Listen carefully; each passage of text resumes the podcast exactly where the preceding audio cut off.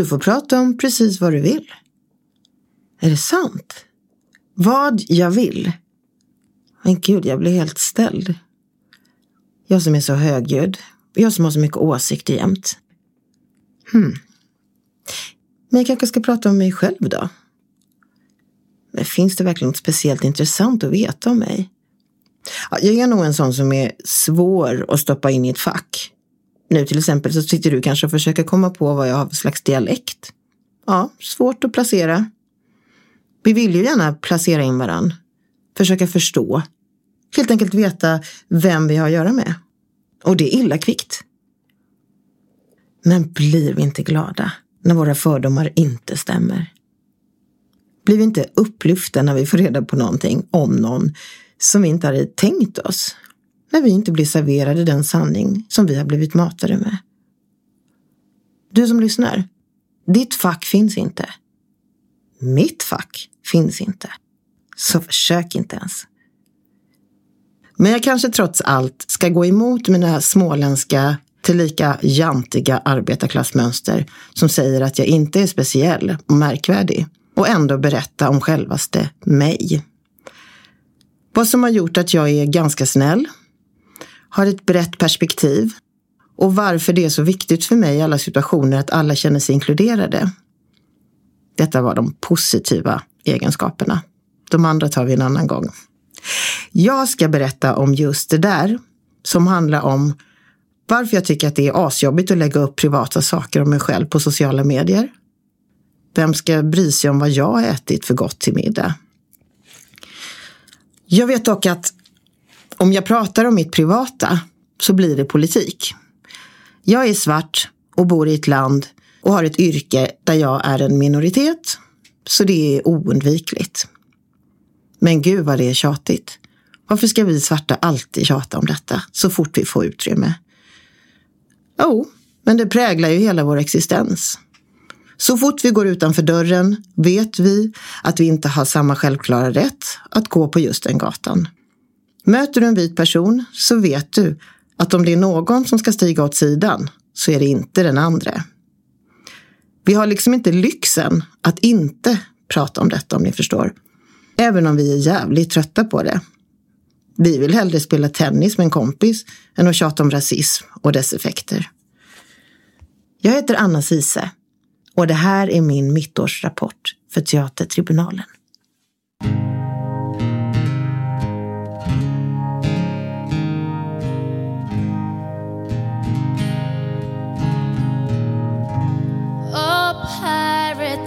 As their rabbi.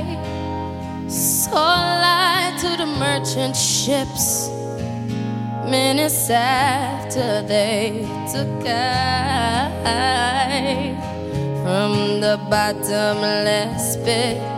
But my hand was made strong by the hand of the Almighty we forward in this generation triumphantly. So won't you help to sing these songs of freedom? That's all I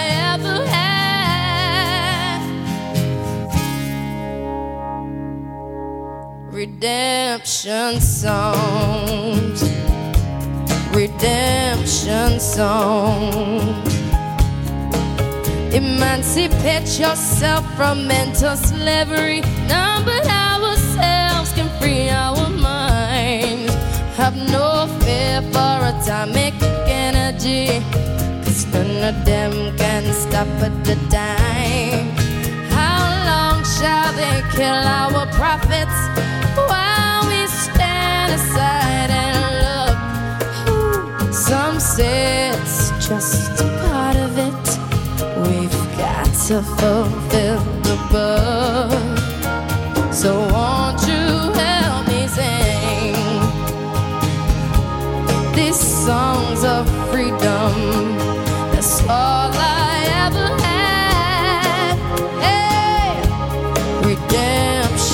songs. That's all I ever had. Redemption songs. These songs of freedom. Redemption songs. These songs of freedom.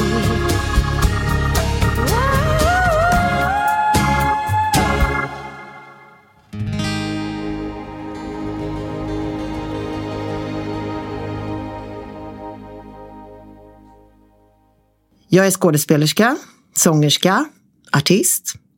Jag står i rampljuset. Jag blir lyssnad på, blir betittad, får applåder.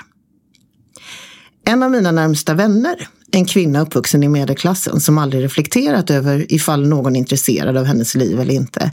Ni vet en sån där som helt ogenerat lägger upp bilder på allt fint och för den delen sorgligt som händer i hennes liv. Ni kanske nästan kan höra föraktet i min röst. Fnyset. Jag frågade en gång varför hon gör så. Jo, men det här är min lilla arena. Min lilla scen. Där jag får bekräftelse och lite av allt det du får var och varannan kväll. Ärligt och fint, tänker jag. Jag fick så jag teg. Jag har ju trots att jag lärt mig att man inte får skryta av någon outgrundlig anledning tagit mig till den plats där jag får synas, får höras och till och med får blombuketter till vardags. Jag känner ju ofta att jag vill vara en grå mus. Det är svårt att som jag vilja kunna inte synas och har lärt mig att inte ta för mycket plats och samtidigt vara artist. Men jag har kommit på på sistone att jag kanske är en grå mus. Jag kanske bara inte har fattat att tiderna har förändrats. När jag för inte allt för länge sedan var på turné i Norrbotten så tänkte jag innan, åh, nu kommer jag vara den enda svarta i den här stan. Folk kommer titta. Men det var ingen jävel som vände sig om efter mig.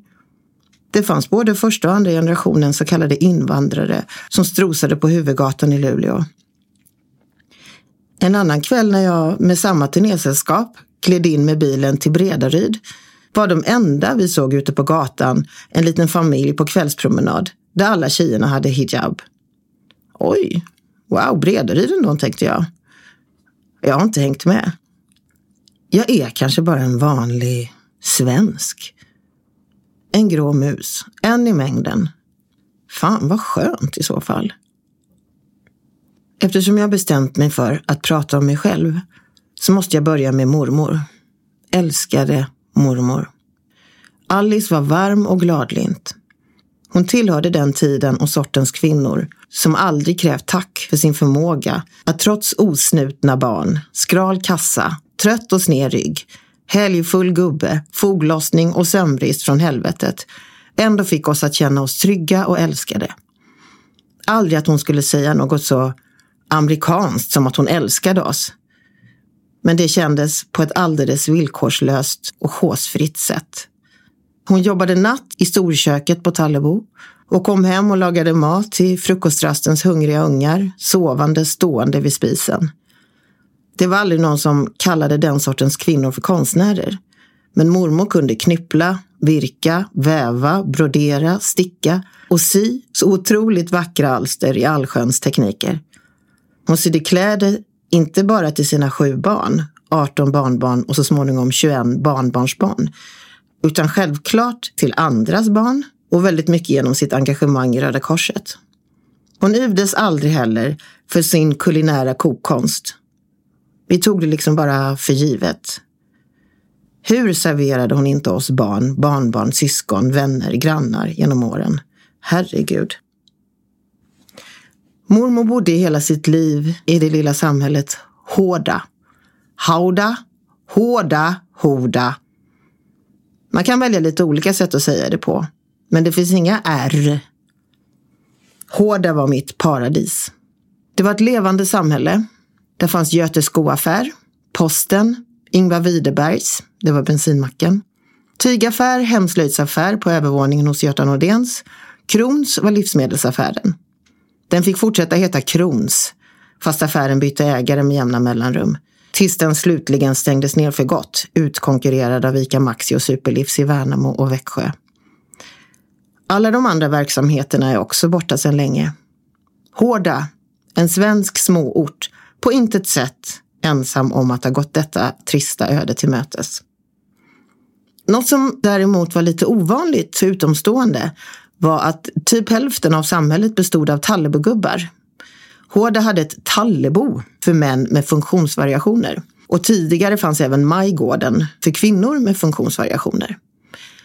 När man svängde av på den lilla avtagsvägen från 23an och in i Hårda så stod det alltid någon Tallebogubbe och vinkade en välkommen. Välkommen till paradiset, tänkte jag. Inget konstigt med det. Det var så det var. Det var bara en del av bilden. Alla kände varann och det kändes som jag var släkt med väldigt många i Hårda. Alltid någon gammal tant som glatt utropade Är det Lisbets flicka? Så stor du har blivit. Förra året var mormors sista i livet. Och om hon saknas mig. Vid ett tillfälle detta sista år sitter mormor med ett gäng av sina medpatienter, eller vad man kallar det för, på vårdhemmet Lingården och käkar lunch. Mormor hade Alzheimer och var ganska svår att nå det sista året. Plötsligt ser någon ut genom fönstret och utbrister. Usch, titta, det är bara invandrare överallt.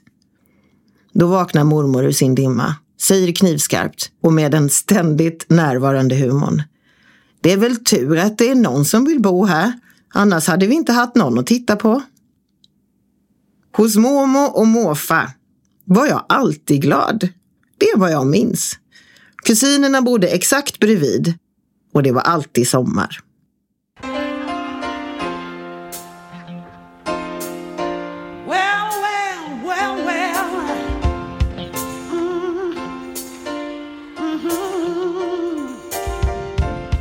It was, it was, It was sure enough How, how, how, how, how happy day. Oh, happy day. Oh, a happy day. Oh, happy day. When Jesus washed.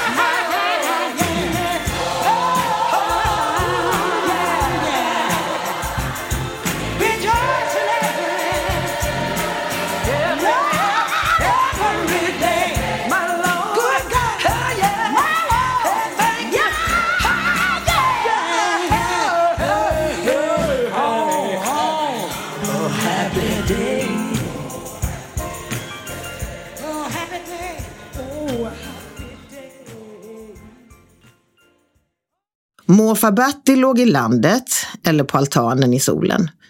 Han blev brun. Han var nog till och med brunare än jag, fast han var vit liksom, ja ni fattar. När han var ung så kallades han Schotte-Bertil, för han var alltid schott i skinnet. Han älskade att ligga i solen. Han var snygg som få, tänk er James Dean, och starkast av alla gubbarna. Han sattes alltid på de tyngsta jobben på bygget eller i fabriken, för han var starkast, min morfar. Men det var inget att skryta om. Han hade ju bara arbetat sig stark. Dräng från tio års ålder. Redan då kunde han få höra efter lördagens sista slit. Så du har en super i andra benet också pojk. Morfar berättar att han skämdes när han stod bakom ett skjul på skolgården och åt den lilla brödkant han hade fått med sig till frukostrasten. Han skämdes för att han var en fattig. Att hans pappa slet för att mätta elva pojkars tomma magar. Att hans mamma dog i kräfta när han var tolv. Att huset brann ner till grunden. Att hans ena syster dog av en simpel blodförgiftning. Det sades att det var på rumpan och det var för skamligt att berätta om. Den andra systern vet jag inte riktigt vad hon dog av, men det var i späd ålder. Varken Rut eller Ester blev vuxna. Det är min morfar som Astrid Lindgrens visa handlar om. Jag är fattig bonddräng men jag lever ändå. Dagar går och kommer medan jag knogar på. Harvar, sår och plöjer, mockar, gräver och bär. Går bak mina oxar, hojtar, visslar och svär. Jag är fattig bonddräng och jag tuggar mitt snus och när lördagen kommer vill jag ta mig ett rus. Sen när jag blivit livad vill jag tampas och slåss. Vila hos en fläcka vill jag också förstås. Sen så kommer söndagen och då vill våran präst att jag ska i kyrkan men då sover jag mest. Prästen kan väl sova hela måndagen men för en fattig bonddräng börjar knoget igen. Så går hela veckan, alla dagar och år jag går med min lie och jag plöjer och sår. Jag kör mina oxar och jag häschar mitt hö. Harvar, gnor och trälar och till sist ska jag dö. Står där fattig bonddräng in vid himmelens port. Lite rädd och ledsen för de synder jag gjort. Man ska inte supa, hålls med fläckar och slåss. Herren Gud i himlen är väl missnöjd förstås.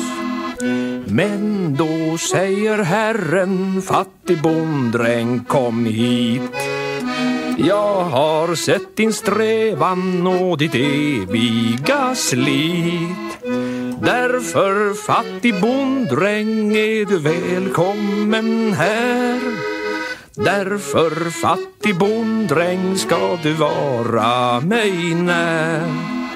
O ja, fattig bonddräng står så still inför Gud och sen klär han på mig den mest snövita skrud Nu du säger Herren är ditt arbete slut Nu du fattig bonddräng, nu får du vila ut Min mamma blev tillagad av misstag.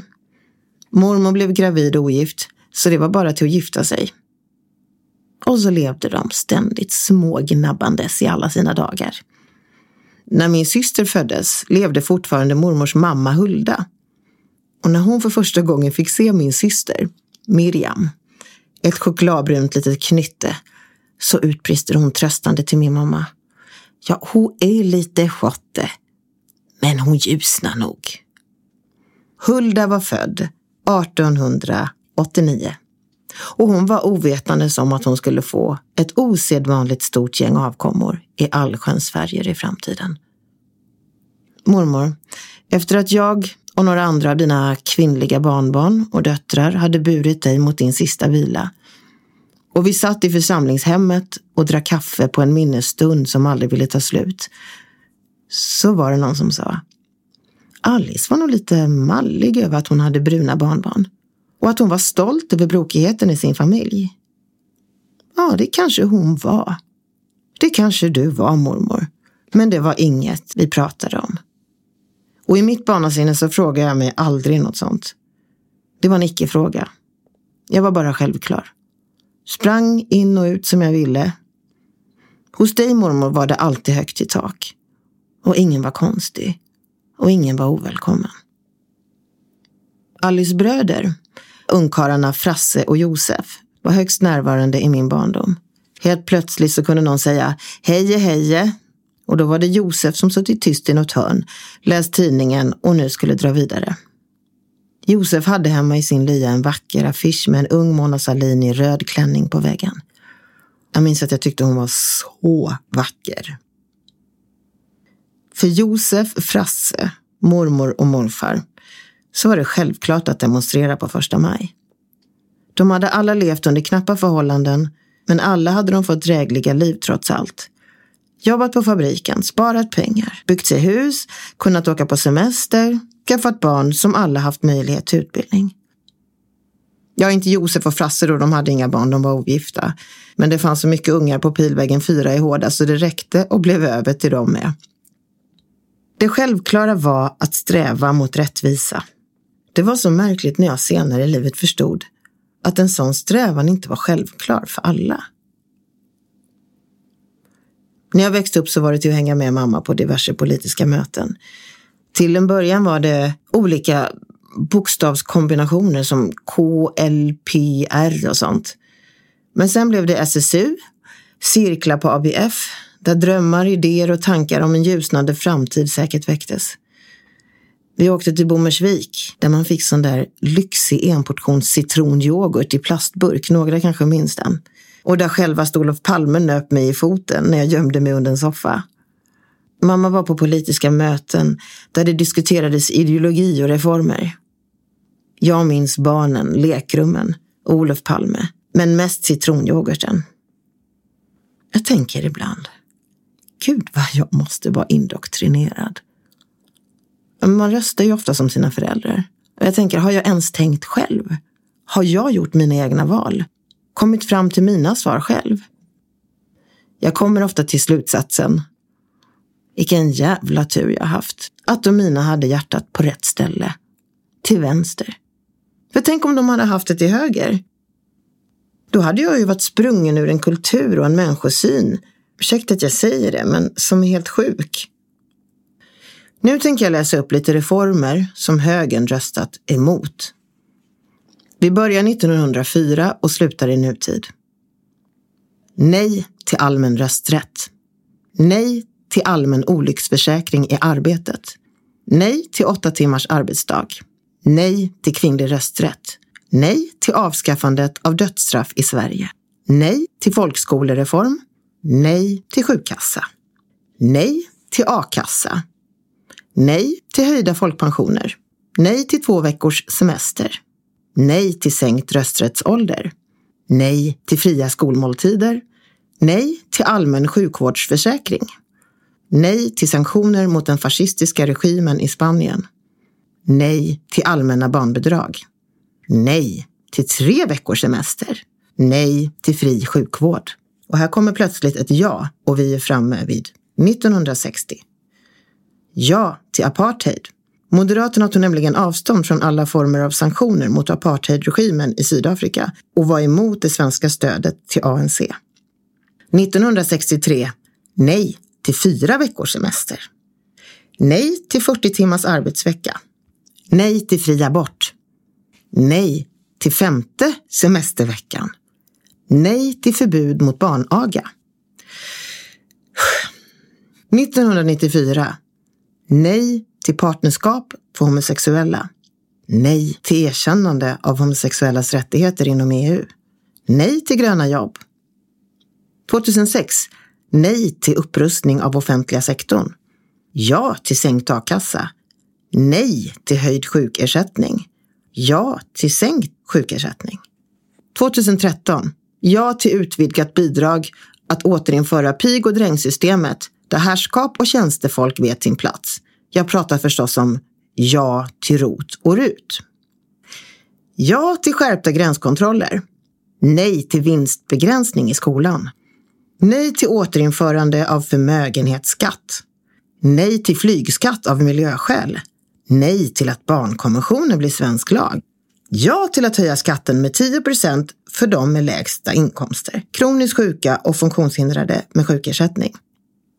Jag tänker ändå att jag haft lite tur.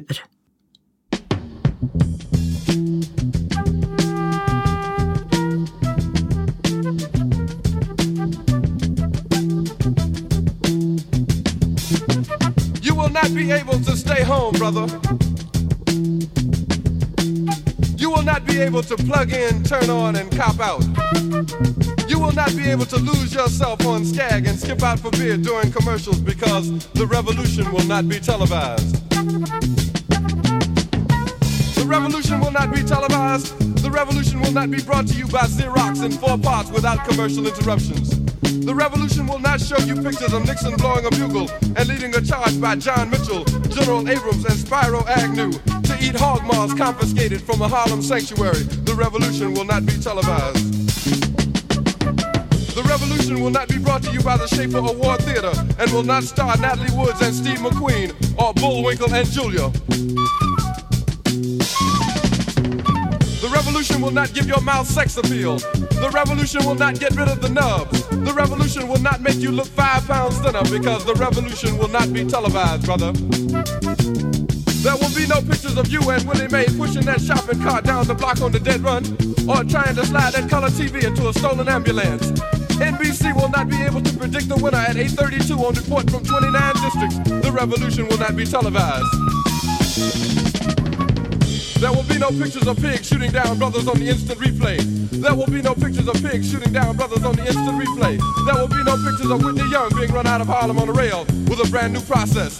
There will be no slow motion or still lights of Roy Wilkins strolling through Watts in a red, black, and green liberation jumpsuit that he has been saving for just the proper occasion. Green Acres, Beverly Hillbillies, and Hooterville Junction will no longer be so damn relevant, and women will not care if Dick finally got down with Jane on Search for Tomorrow, because black people will be in the street looking for a brighter day. The revolution will not be televised. There will be no highlights on the 11 o'clock news and no pictures of Harry armed women liberationists and Jackie Onassis blowing her nose. The song will not be written by Jim Webb or Francis Scott Keys, nor sung by Glenn Campbell, Tom Jones, Johnny Cash, Engelbert Humperdinck, or The Rare Earth. The revolution will not be televised. The revolution will not be right back after a message about a white tornado, white lightning, or white people. You will not have to worry about a dove in your bedroom, the tiger in your tank, or the giant in your toilet bowl. The revolution will not go better with Coke.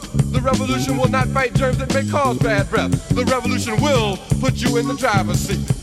The revolution will not be televised, will not be televised, will not be televised, will not be televised. The revolution will be no rerun, brothers. The revolution will be live.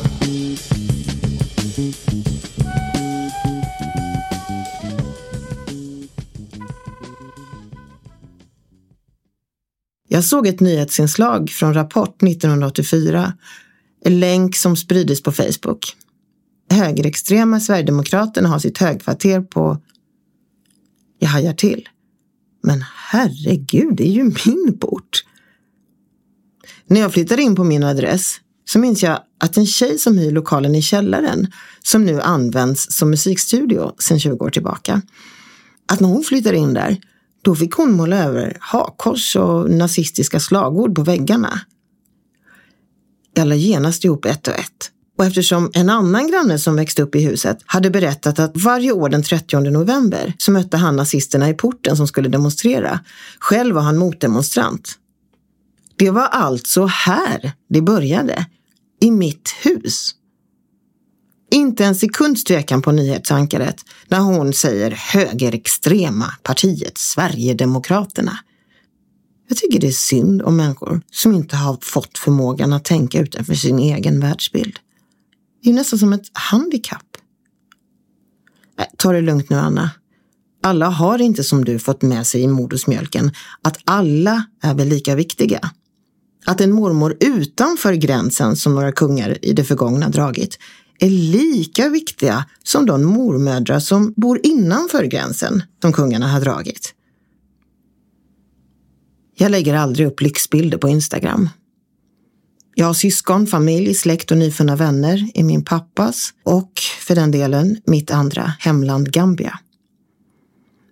När jag dricker ett dyrt glas vin på en vanlig krog på Södermalm i Stockholms innerstad, där jag har privilegiet att bo, så kan jag tänka, en veckas mat för brorsan.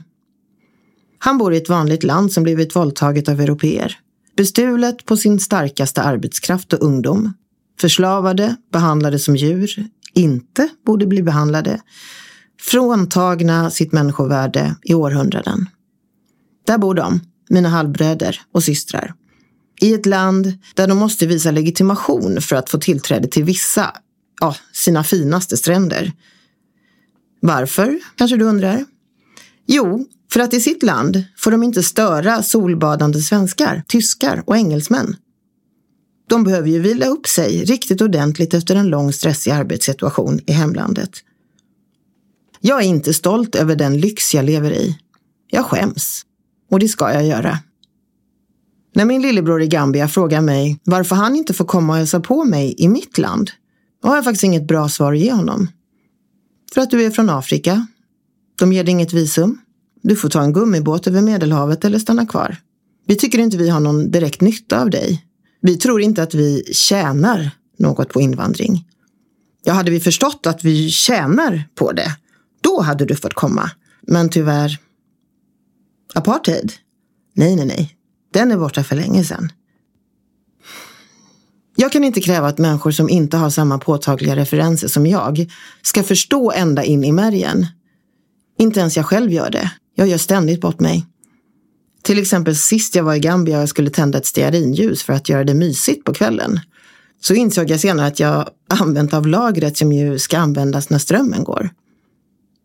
Vi kan nog aldrig förstå fullt ut det vi inte själva har personlig erfarenhet av. Vi kan inte kräva av oss själva att vi ska förstå hur det känns att vara född i en värld med helt andra förutsättningar än de vi själva har. Självklart inte. Vi är födda i de kroppar vi är och det kan vi inte påverka. Det vi däremot kan göra är att ödmjukt lyssna. Lyssna utan att försvara oss. Det är jättesvårt. Försöka allt vi kan att inte hamna i försvar. Försöka att stävja vår känsla av att bli oskyldigt anklagade för världens obarmhärtighet. Det kan vi försöka. Vi i väst, vi kan ju utgå från att vi har mer av världens resurser. Så jävla mycket mer än vad vi har rätt till. Om man utgår från grundtanken att det ska vara rättvist. Men det gör ju inte alla. Anna, du måste förstå det. Fatta. Men jag tror ändå vi är födda med en känsla av rätt och fel. Barn reagerar spontant när de behandlas orättvist. När de ser och frågar sig varför den där gamla mannen sitter och tigger med en plastmugg i hand. Varför sitter han där? Har han ingenstans att bo? Varför då? Emawenu ibaba silale mawenu. Ibaba silale mawenu. Ibaba silale mawenu. Baba silale mawenu. Baba silale mawenu. Ibaba silale mawenu. ibaba silale mawenu. Ibaba silale mawenu.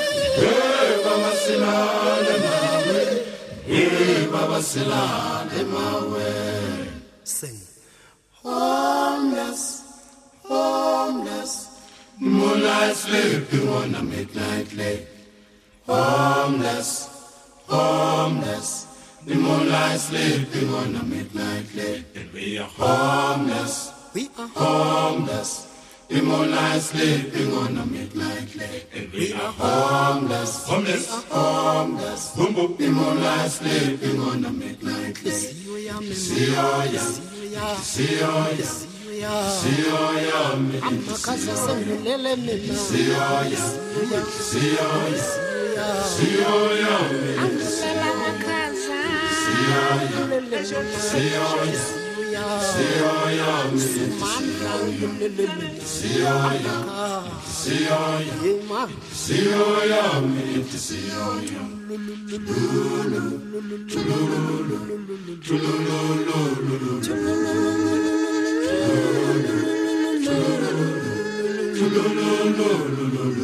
strong wind strong wind strong bones many dead tonight who could be you strong wind strong wind. Many dead tonight who could be you. And we are homeless homeless homeless. Boom boom. In moonlight sleeping we are homeless and we are homeless homeless homeless. Boom boom. In moonlight sleeping on a midnight lake homeless homeless. In moonlight sleeping on a midnight lake somebody say Somebody sing hello, hello, hello. Somebody say. Somebody cry, why, why, why? Somebody say.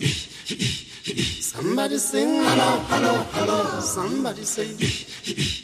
Somebody cry, why, why, why? Somebody say. Hit your man up. Hit your man up. Yes, I know your mano, your mano, yes I go party, I'm smart, lift your mano, yes I mama party, I'm smart, lift your mano, yes I mama party, Somebody say. Somebody sing hello, hello, hello. Somebody say. Somebody cry, why, why, why? Somebody say. Somebody sing hello, hello, hello. Somebody say. Somebody cry, why, why, why? Kulumani, Kuluman, Kulumani sizwe. Singanze njani? Bayajabula basithanda.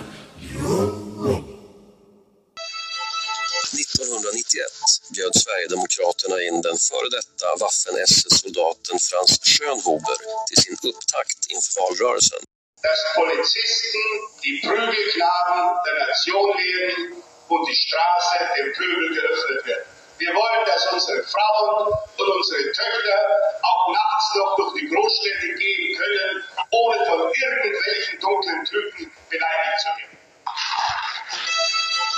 1996 arrangeras ett nazistmöte av ledande sverigedemokrater från skånska Hör. Kvinnan i nazistuniform heter Tina Hallgren Bengtsson. Hon var vice partiledare för Sverigedemokraterna under tre år. Hon har berättat att hon stöttade Jimmy Åkesson när han startade partiets ungdomsförbund i Sölvesborg. Partiledningen har upprepade gånger tagit initiativ för att förändra bilden av Sverigedemokraterna. 1996 infördes ett förbud mot nazistuniform på partimöten och 2012 var det dags för ytterligare en åtgärd. Partiet lanserar nolltolerans mot rasism, nazism och antidemokrati. politiken har, eh, har kanske inte förändrats jättemycket i grunden. Eh, utan vi, däremot har vi förtydligat vissa, vissa bitar i, i vårt program. Men man kan säga att Sverigedemokraterna då och Sverigedemokraterna nu står för ungefär samma ideologi och samma tankar. Ja, det, så skulle jag vilja säga. Eh, Och, ska man titta på de partiprogram som har tagits fram genom åren så skulle jag nog vilja säga att det första partiprogram som togs fram i slutet på 80-talet en gång mest påminner om det som vi faktiskt har idag. Och vi har aldrig hymlat med vårt absoluta motstånd emot det mångkulturella samhälle som samtliga etablerade partier håller på att bygga upp. Om man inte accepterar våra villkor och hur vi har det här i Sverige. Om man inte accepterar att vi svenskar ska visa vår fosterlandskärlek. Då är det bara att packa sin väska och ge sig iväg härifrån omedelbart.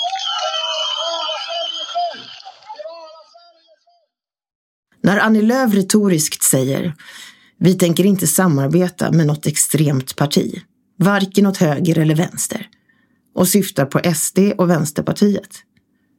Då måste väl denna kvinna, som jag upplever både smart och sympatisk, egentligen veta att det är en befäng jämförelse. Ja, det vet hon. Det hon inte förstår är hur pinsamt uppenbart det är att hon använder sig av en sån skamlös, mycket obehaglig retorik. Nu ska vi se här. Ett parti sprunget ur ett nazistiskt synsätt. Ni vet dem, nere i min källare. SD. Nazism, lika med hat, det tror jag att de flesta av oss är rörande överens om. Och så var det då Vänsterpartiet som är lika med vad då? Ett försök att skapa rättvisa. Jag tror att det är många med Annie som tycker att det är ett extremt sätt. Naivt, blåögt försök att skapa rättvisa. Men det är ju i grunden ett synsätt sprunget ur idén om att så många som möjligt ska få det så bra som möjligt. Att det ska vara rättvist. Är det rimligt att jämställa detta med ett parti som har nazistiska grundvalar? Det är ju löjligt, Annie. Det är ju farligt, Annie. Kanske inte lika farligt för dig personligen som för mig. Men ändå, kom igen. När Liberalernas Nyamko Sabuni förespråkar en fri hyresmarknad så vet ju hon. Hon vet ju att det kommer skapa segregation i förlängningen. Svindyra hyror gör ju det. Att vissa grupper har råd att bo just där det är dyrt och andra inte. Det vet Nyamko. Om det nu är så, Nyamko, att du tycker att det är ovidkommande, så erkänn det. Om du inte bryr dig så kanske du åtminstone kan berätta för dem som inte har historien med sig och inte heller konsekvenstänket intakt att det faktiskt blir väldigt dyrt för oss alla i slutändan med segregation. Och vi betalar inte bara med skattepengar utan vi betalar också med vår känsla av trygghet. Kanske ändå vill jag tro att de flesta känner någonstans att inkomstklyftor och segregation är skadligt och jävligt osoft. Nyamko Sabuni, du förstår ju detta. Du är inte dum. Jag tänker på min morfar som slet, men tack vare välfärdsstaten och folkhemmet kunde bygga upp en dräglig tillvaro. Nyamko, du har förmodligen en massa släktingar in the motherland som inte har möjlighet att göra din klassresa. Annie Lööf, du är från samma välmående lilla småstad som jag, Värnamo. Du må ha levt i en privilegierad medelklassbubbla där man tror att ett samhälle som bygger på att vissa gör klassresor och andra stannar kvar, ja, om de inte kämpar tillräckligt eller skaffar sig föräldrar som kan välja rätt skolor åt dem, att det är ett tryggt samhälle. Men Liberalernas partiledare vet bättre. Hur blev du så empatilös? Du vet ju var du kommer ifrån. Nyamko, det här med samarbetet med SD. Jag säger bara förräderi. Mot oss, mot mig, mot dig själv.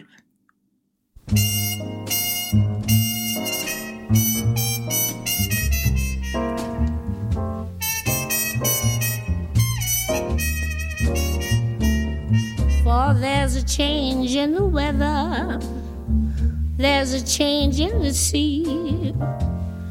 From now on, there'll be a change in me. My walk will be different, my talk and my name. Nothing about me's gonna be the same. I'm gonna change my way of living. And if that ain't enough, way that I strut my stuff. Nobody wants you when you're old and gray. There'll be some changes made today. There'll be some changes made.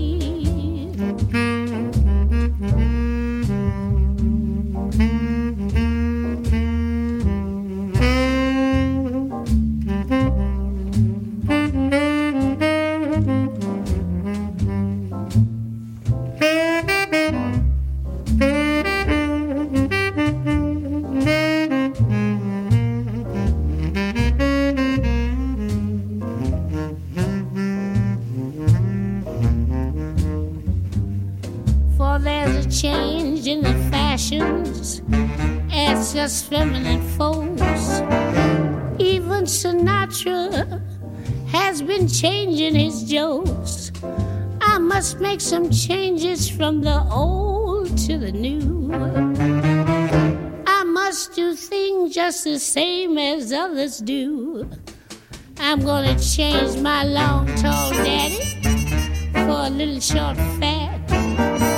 Gonna change the number where I'm living at. I must have some loving or I'll fade away. There'll be some changes made right away.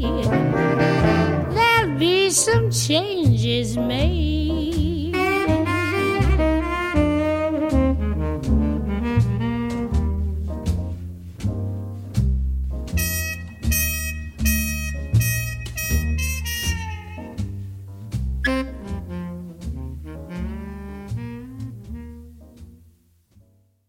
Jag respekterar människor mer som säger jag är inte intresserad av jämlikhet. Jag är intresserad av produktion. Jag vill ha ett gott liv och jag är inte beredd att göra avkall på mina privilegier. De människorna, de har en helt annan syn på hela vår existens. Men de är ju i alla fall ärliga. Jag träffade en gång en nazist som stod på Brommaplan och försökte dela ut flygblad. Jag tror inte han blev av med ett enda under den halvtimmen som jag stod och iakttog honom. Jag tog mod till mig, gick fram och frågade om han tyckte att alla människor hade lika värde. Han väste fram mellan sammanbitna käkar. Den vita rasen är över alla andra raser. Du är i alla fall ärlig, svarade jag fascinerat. Jag kräver inte att alla människor ska förstå exakt hur det känns att tillhöra en grupp som en annan grupp har försökt och eller tycker ska utplånas. Eller i alla fall inte blanda sig med andra människosorter. En nazist tycker att sådana som jag inte ska finnas. Jag kräver inte att någon som inte tillhör en sån grupp ska förstå fullt ut vad det gör med en i längden. Vilken ilska som byggs upp och hur förvirrad den kan bli i en värld där det du är, till exempel genom din hudfärg eller din sexuella läggning, döms och bedöms. Men jag kräver faktiskt att du ska lyssna. Lyssna med ett öppet sinne till de som har kunskap. Det är faktiskt det minsta vi kan göra. Lyssna. Att leva i ett land där 20 procent av befolkningen tycker det är tillräckligt oviktigt att ett parti de röstar på har extremt tydliga rötter i nazismen kan jag tala om för dig, broder eller syster som inte själv ingår i en sån grupp, att det är nästan outhärdligt.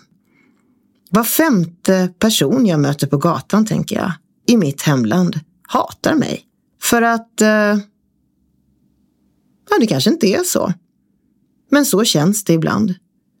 Det är följden av människors kortsiktiga, historielösa sätt att tänka, att inte tänka, att rösta. Jag tänker på mormor och morfar och blir så ledsen. Eftersom jag av någon outgrundlig anledning hittade vägen till skådespeleriet och teatern så känner jag att jag behöver beröra hur det konkret känns att inte tillhöra den så kallade normen inom mitt skrå. När en upphovsperson säger Verket står för sig, jag är inte politisk, det är fiktion och vi påstår inte att något av det här är verkligt. Då är det med största sannolikhet en person som inte själv drabbas eller har ett trauma som triggas av ett visst verk. Alltid någon som inte själv drabbas av strukturell diskriminering. Oh, alla blir så jävla kränkta nu för tiden. Nej men stackars konstnär. Ska du inte få fortsätta att osynligt inkvotera människor som du känner? Människor av manligt kön. Fortsätta förolämpa minoriteter. Sparka neråt i godan ro, som du alltid gjort för skattepengar. Ska du behöva tänka efter?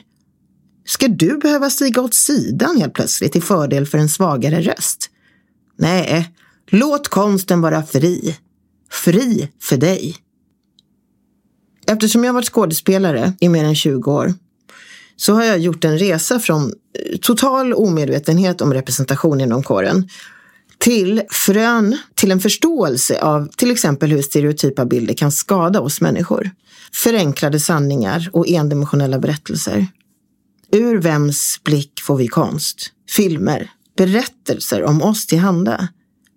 Om du inte tillhör normen så frågar du dig automatiskt när du läser en recension. Vad har jag gemensamt med recensenten? Varför skulle jag tycka att det eller det är kvalitet för att hen tycker det? Vi har förmodligen helt olika smak och identifierar oss med helt olika saker i berättelsen. Vi frågar oss också, är det som vanligt så att vi ska identifiera oss med de vita huvudkaraktärerna?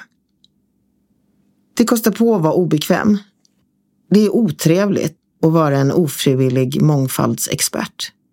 Jag fick ett mejlsvar när jag hade varit sådär obekväm en gång, där det stod Ja, jag förstår att du som brinner för dessa frågor blir upprörd. Stopp! Jag brinner ingenstans. Jag hatar att vara obekväm. Jag är egentligen blyg. Jag blir utbränd av att vara obekväm. Varför skulle jag brinna för att gå i väggen, stånga mig blodig? Jag brinner inte för arbete mot rasism. Jag vill hellre spela tennis som jag sa, eller fika med en kompis.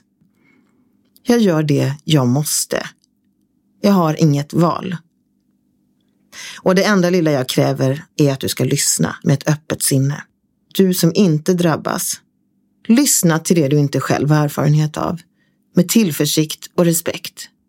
Du kan fortfarande komma till en annan slutsats. Men du ska fan lyssna. Och det gäller mig. Det gäller oss alla.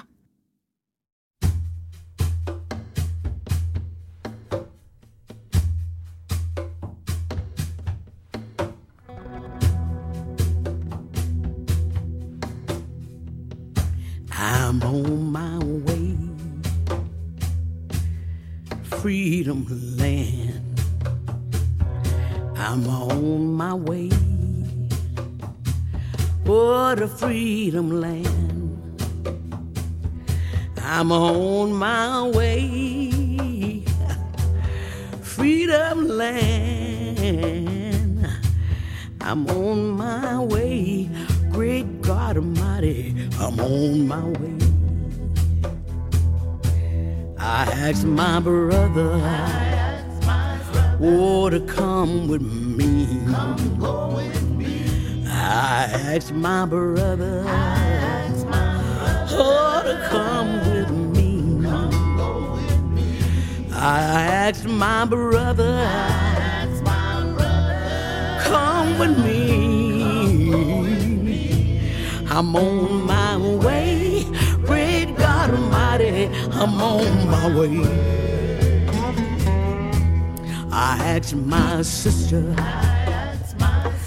won't you go with me? I asked my sister, come go with me. I asked my sister to go with me. I'm on my way. Great God Almighty, I'm on my way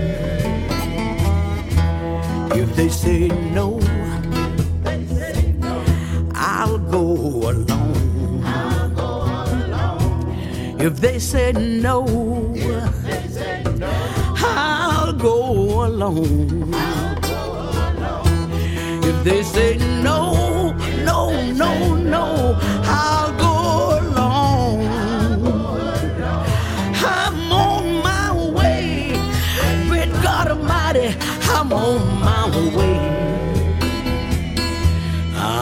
On my way.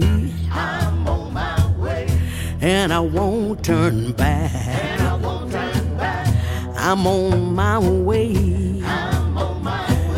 Lord, I won't turn back. I'm on my way. Mm, I won't turn back. I'm on my way.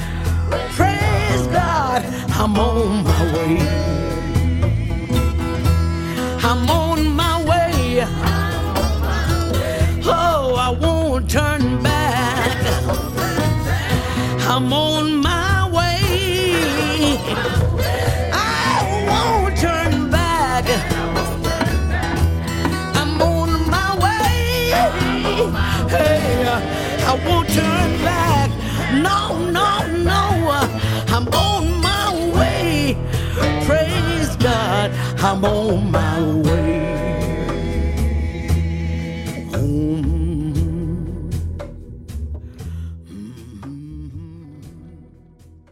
Du har hört Anna Sise presentera sin mittårsrapport för Teatertribunalen. Musiken som spelades var Redemption Song med Rihanna Oh Happy Day med Aretha Franklin och Mavis Staples Fattig bonddräng med Björn Gustafsson The Revolution Will Not Be Televised med Jill Scott Heron Homeless med Ladysmith Black Mambazo There Will Be Some Changes Made med Billie Holiday On My Way med Mavis Staples. Fler mittårsrapporter hittar du på vår hemsida tribunalen.com samt där poddar finns.